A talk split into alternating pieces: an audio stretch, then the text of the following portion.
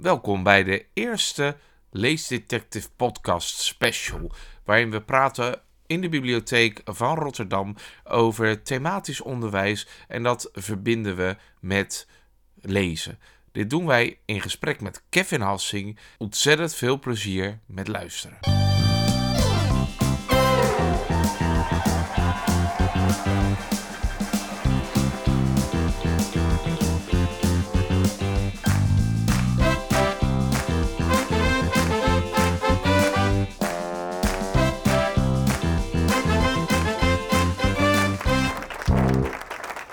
Nou, welkom allemaal luisteraars bij deze speciale uitzending van de Leesdetective podcast.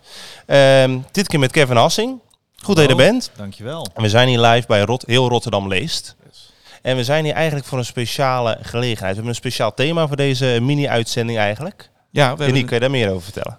Tuurlijk hebben wij, eh, tuurlijk kan ik daar meer over vertellen. Eh, wij, gaan, ehm, eh, wij gaan het hebben over hoe kan je nou precies andere vakken integreren in leesboeken. Eh, en ehm, ja, daarvoor is Kevin ook aangeschoven. Welkom. Dank je. Ik vind ook wel dat je een applaus verdient hè, Oh, van de mensen die hier zitten. Ja.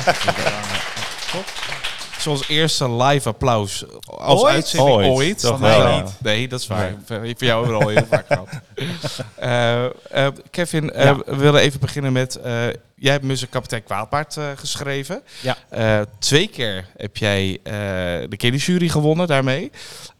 Hier, hier. laatste keer. Ja, Ja. dat in je. deze zaal eh, was binnenkomst en in die zaal was, was ik daarna, nadat ik hem won, aan het trillen en blij aan het zijn en half in mijn broek aan het plassen. Ja, nou, Dus dat was hier, ja.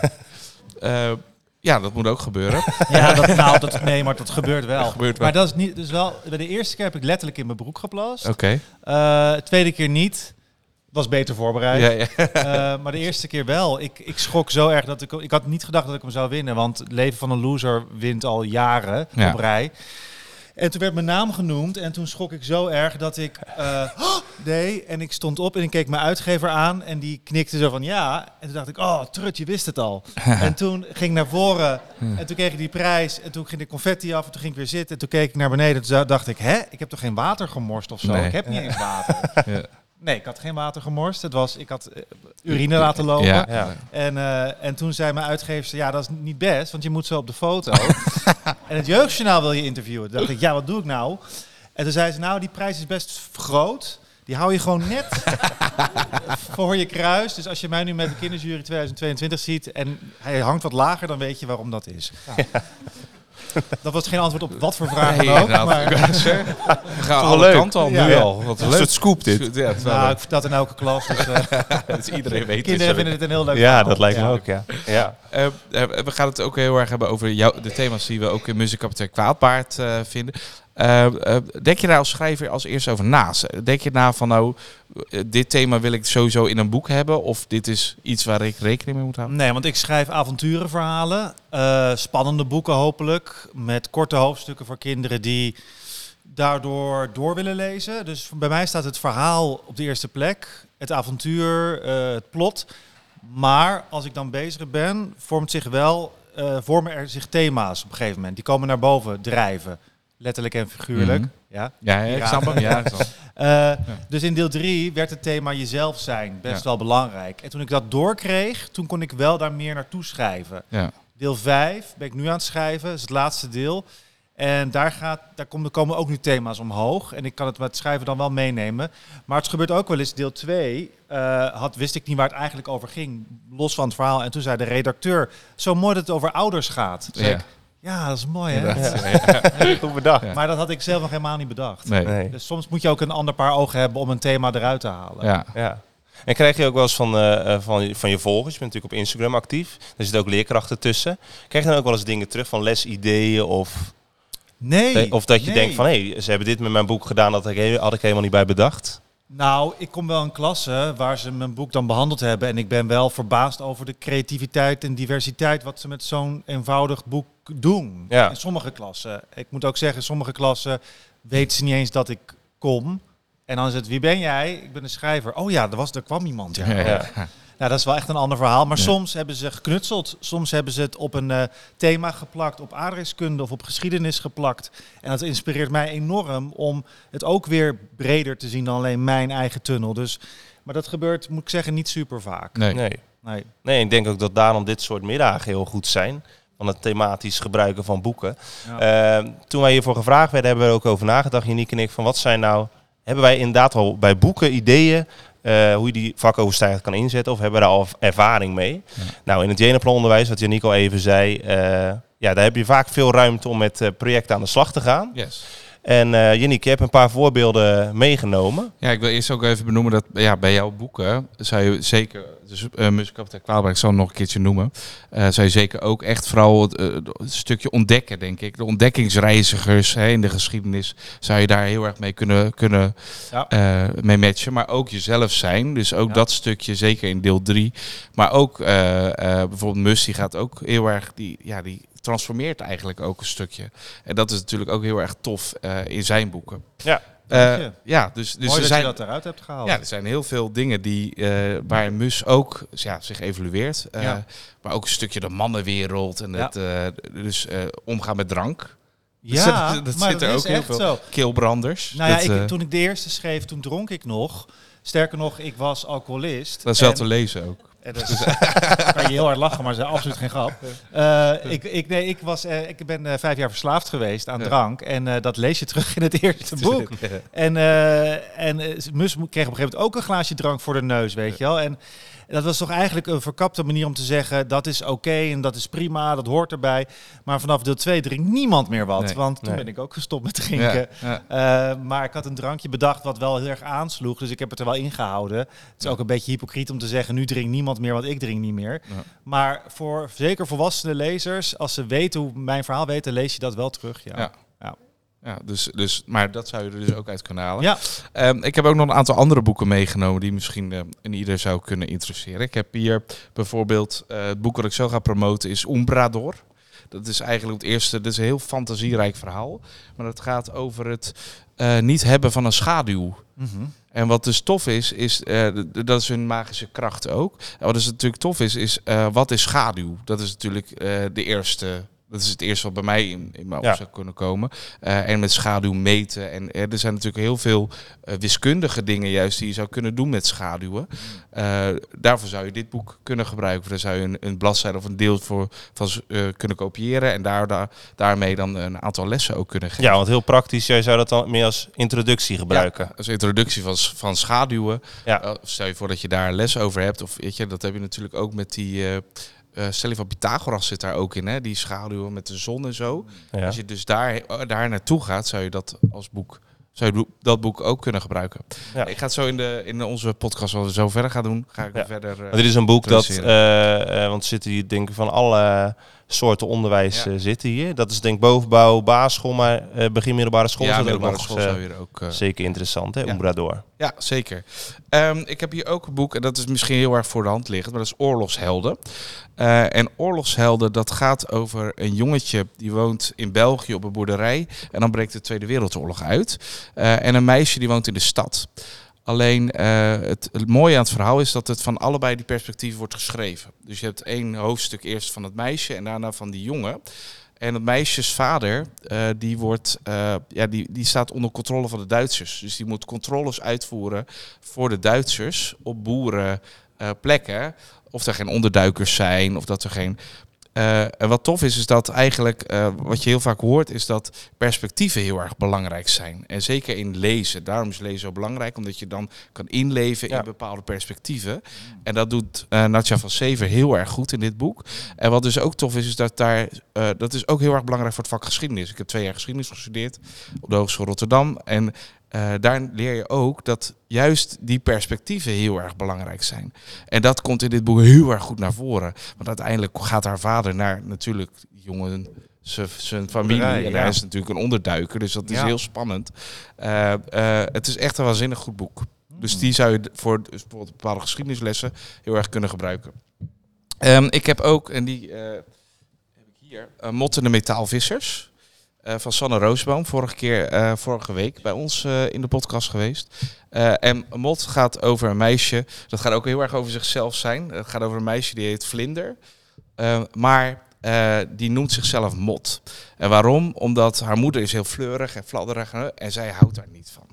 Zij heeft een beetje, ze is ja, een beetje gothic-achtig. En ze, en ze, ze kleedt zwa- zichzelf zwart. Ze heeft kort haar. En de moeder is echt zo'n modetype, zo'n modeontwerpster. En eh, dat contrast is al heel erg leuk. Over jezelf zijn gaat het. Maar het gaat er ook over onderzeeërs en metaalvissen.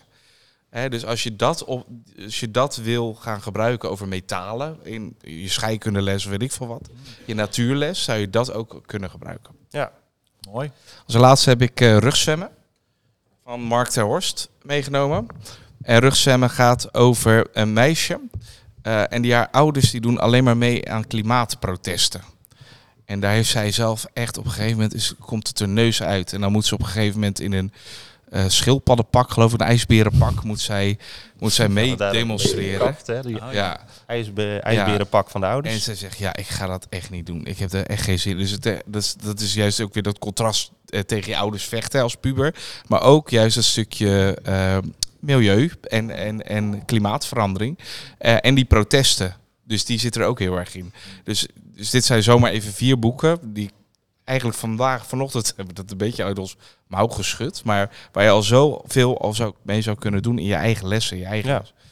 Eh, Ja, want we zagen daar voor de opdracht straks ook veel informatieve Ja. boeken echt liggen. Ja. En daar leg je misschien snel de link van, hé, hey, ik, ik zie een boek met, eh, eh, met scheikundige proefjes, dat ga ik bij scheikunde inzetten. Ja. Bij boeken moet je inderdaad soms wat verder zoeken. Ja. En wij doen het ook in ons leesonderwijs op de basisschool, eh, Ja. gebruiken we echt veel boeken. Ja. Wij eh, stappen wel af van de kant-en-klare methodes. We proberen eigenlijk wel inderdaad gewoon een boek of samen met de groep te lezen. Of dat we hem zelf gelezen hebben en denken we gaan deze passage gebruiken om ze daarmee eh, en de leesmotivatie te bevorderen. Maar ook gewoon eens een keer een activiteit mee te doen. Ja, Eh, en dat kan zo groot of klein als je wil. Eh, ik had vorige week een eh, gesprek met Geert Vermegen, die daar heel sterk in is. En die, had, die heeft een keertje gewoon een tafeltje in zijn klas gezet. En gezegd, er komt een nieuwe leerling. En na twee weken was er nog steeds geen nieuwe leerling. En op een gegeven moment ja, hadden ze geen idee hoe dat dan kwam. En hij had dus het dagboek van Anne Frank waren ze aan het lezen op dat moment. En op een gegeven moment had hij dus, ik weet niet of jullie het kennen, maar dat zijn stolpstenen in, eh, Nederland. Dat zijn stenen die liggen op de grond eh, voor het huis waar iemand gedeporteerd is. En in de buurt van zijn school lag zo'n stolpstein met een jongetje die daar eh, gedeporteerd is en vermoord is. Ja. En hij heeft die tafel, ja, hij zegt dus, de, de naam van het jongetje heeft hij dus gezegd, zo heet het jongetje dat gaat komen naar school. En zo werd het een heel groot project. En na dat project, toen het afgesloten was, toen ehm, waren de kinderen zo daarmee bezig dat ze zelfs briefjes hadden geschreven en in het laadje hadden gedaan. eh, kleine pennetjes erin hadden gedaan voor het jongetje. Dus hij was echt onderdeel geworden van die groep. Ja. En dat is natuurlijk het ultieme doel hè, eh, wat je zou kunnen doen met boeken. Maar dat, dat is zo, daar was ik zo door geïnspireerd geraakt dat ik dacht van wat wel zinnen. Ja, en het is ook, ik, ik vraag aan heel veel eh, leerkrachten, lees je voor? Eh, ja, nee, of ik wil wel, maar er is geen tijd. Wat doe je dan bijvoorbeeld bij het eten tussen de middag? Het jeugdjournaal kijken, oké. Of iets anders opzetten. Eh, maar dit is eigenlijk een veel bredere manier om thema's als oorlog, die ze anders gewoon zo zien, Ja. in te zetten. In het kader van lezen, creativiteit, Ja. eh, empathie. Dus het is veel ronder dan alleen maar informatie tot je krijgen. En dat vind ik er zo mooi aan dit project. Dit Ja. Inspireert mij heel erg om daarover na te denken. Want dat is hoe je de alle vakken een beetje bij elkaar... Maar alles wat je wil eh, onderwijzen, Ja. krijg je dan bij elkaar. Ja, Zonder dat het te heftig is of zo. ja, Het dat is wordt het. heel persoonlijk, ja. Juist, ja. En, en daar, dat is ook iets wat kinderen later nog zullen herinneren. Ja. En dat is denk ik het doel van je onderwijs. Dus dat Ja. zou dat voor mij zijn. Maar van diezelfde Geert Vermegen had jij bijvoorbeeld ook de suggestie met Dolfje Weerwolfje. Daar had hij ook iets fantastisch bij bedacht. Ja, Kun je daar iets over vertellen? ja dan moet ik dat zeker vertellen. Ja? nou ja, dat was Dolfje Weerwolfje. Natuurlijk die Ja. in, in een weerwolf Ja. verandert. Ik Ja. denk misschien bij Dolfje Weerwolfje is heel laagdrempelig. Wat ga je daar voor les omheen bouwen? Hij had, eh, hij had gezegd, ja, antropomorf heet dat, geloof ik jezelf. Dat is veranderende karakters. Dus je hebt dolfje, weerwolfje. Ehm, die verandert natuurlijk als het maan schijnt.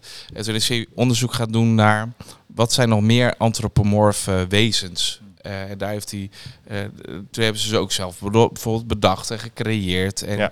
Dus hij is daar veel dieper mee eh, mee, gaan, eh, ja, mee gaan kijken. Ja, en dat was ook rond dat geef een boek cadeau. Was Ja. Dolfje Weerwolfje eh 12,50 geloof ik. 12,50. Ja. En eh, toen kon Nee, je met heel de... goedkoper Nee, nog. goedkoper. 2,50. 2,50. 2,50 denk ik, ja. En dan konden ze met heel de groep konden ze dat gaan lezen. En dan haal je daar veel meer uit. Ja. Dan bedenk je die dingen erbij. Dus je hebt als, eh, als leerkracht daar best wel veel...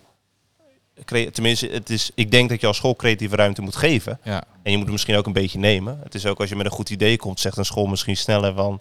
Ga het maar proberen. Ja. Maar inderdaad, dit zijn een paar voorbeelden. Het zijn echt legio aan voorbeelden waar je, waar je dat eh, uit kan halen. De voorwaarde is natuurlijk wel dat je zelf eerst het boek leest. Ja. En vervolgens kan je daar, want het is natuurlijk lastig om hele boeken met een groep eh, door te werken. Maar als je daar sterke passages uitpakt, en dat doen wij ook wel bij de eh leesmotivatieworkshops op de basisschool, pakken we inderdaad bijvoorbeeld van jouw eh, proloog van jouw Oh, eerste ja. boek, dat Mm. Mus de klif opklimt. Ja, de cliffhanger, letterlijk Ja. en figuurlijk. Ja. Ja. Daar start je meteen heel actief. Ja, ja. Nou ja, en als je alleen dat gedeelte gebruikt, dat kan al zo motiveren om verder te lezen en je kan er dingen omheen bouwen. Mm. Dus ik hoop ook dat het vandaag met de boeken, de opdracht, dat, dat, een beetje, dat dit een beetje inspiratie heeft gegeven. Ja. Ehm, wat ik net zei, er liggen daar eh, boeken die eh, informatief zijn, maar ook dus gewoon verhaalboeken. Want jij zag onder andere van eh Rob Rugberg. Ja, Haaieneiland. Ja, dat is waanzinnig. Maar dat is, dat is ook zo'n voorbeeld. Dat heb ik dan in de groep besproken. En dan hebben we met elkaar gedaan van... Wat ruik je, wat voel je en wat proef je nou precies op het moment dat je het leest? En waar proef je nou bepaalde dingen, waar voel je? Dus die kinderen gingen helemaal daarin. En die waren op een gegeven moment op dat schip. Het gaat over een schip dat vaart. En op een gegeven moment... eh, ja, en hij beschrijft dat geloof ik, die eerste, eerste bladzijden zijn al zo waanzinnig goed beschreven. Ja. Over mensen die over hun nek gaan, over iemand die hem achterna zit, over iemand waar die overheen struikelt. Hè? Dus, eh, en, en die kinderen die, die, die hadden dat gedaan en daarna vroegen ze mij, welk boek is dat? Mm. En toen liet ik het boek zien. Ik zei, nee joh, is een veel leuker boek. Het is toch niet dat boek? Ja, Ja. het is wel dat boek. Ja, dat is vrij dik. hè? Omdat het dik Ja. is. En, Ja. en de- ik vind de kaft ook, eh, ja, sorry, Serieus. vind ik serieus. En niet, terwijl het boek is zo verschrikkelijk sterk en zo goed. Eh, en op een gegeven moment, het boek ligt niet meer in mijn bibliotheek. Het blijft, iedereen blijft het lenen. Dus we blijven het leuk vinden. Dus op die manier eh, ook met lezenonderwijs gaan. Oh, zeker begrijpend lezenonderwijs omgaan is gewoon heel erg goed en Ja. sterk, denk ik. Ja, Maar je moet ook bij leesboeken soms niet onderschatten hoeveel jaar onderzoek er bij een schrijver al in zit. Hè? ja. Eh, dus het is niet zomaar oh, een leuk verhaal over piraten bijvoorbeeld. Maar soms zit er echt zit, eh, Toch, avontuur. wel, toch wel hoor. Hoeveel jaar onderzoek zit er bij jou? eh? Nou, een uurtje YouTube-filmpjes kijken. Ja, nou ja. Pirates of the Caribbean terugkijken en aan de slag. ja. Nee, ik heb in het begin heel veel research gedaan naar hoe is het leven op een schip, wat zijn de termen. Maar als je dat allemaal gaat gebruiken, wordt het een geschiedenisboek. ja. Dus het gaat, moet toch, toch weer over het verhaal gaan. ja. En nu, doe ik, eh, nu heb ik voor mijn nieuwste boek, wat eh, niet mus is, maar voor 7 plus komt, De Creeps. Gaat over hele kleine wezentjes op je hoofd. En één daarvan, die valt, wat niet hoort te kunnen, maar die komt terecht op de teennagel van het meisje waar ze op wonen. En hij moet weer helemaal terug omhoog. Dat is eigenlijk het verhaal. Ja. En eh, toen heb ik wel onderzocht hoe... We gaan hier een paar gaan gedachtenwolkjes op. Nou, het wordt heel goor en smerig en raar. En eh, ze krijgen bijvoorbeeld hulp van iemand die heet Tarrel. Ja. Ja, zij, weet, zij is dan een hele... die weet. Eh, maar toen heb ik wel bedacht, oké, als eh, een beetje geïnspireerd op Honey, I Shrunk the Kids van vroeger. Weet je, als dat je mini bent en alles heel groot Ja. is. Dus hoe, als een haar zo groot is dat je erin kan wonen... Wat is dan verder het perspectief? Ja. Toen heb ik wel het hele menselijk lichaam bekeken van mijn vriendje. En gekeken, als ze dan nu op die teennagel staan, wat zien ze dan? Oh, ja. En dat, is ook, en dat hoop ik dat kinderen ook gaan doen als ze het lezen. Ja. Dat ze denken, oké, dus hier heb ik een half miljoen creeps. Ik moet niet jeuken, want dan gaan ze dood. Maar heb ik er hier ook niet nog wat? Want hier heb ik ook heel veel haar. En dan een soort van je eigen lichaam onderzoeken als basis van een soort ja, palet van, Ja. van waar een avontuur zich kan afspelen. Plus dus leren, een klein beetje leren hoe je lichaam werkt. Ja. Ja. Dus dat hoop ik dat ik... Maar het is ook vooral een heel avontuurlijk, Grappig. smerig verhaal. Ja, Ja. Ja.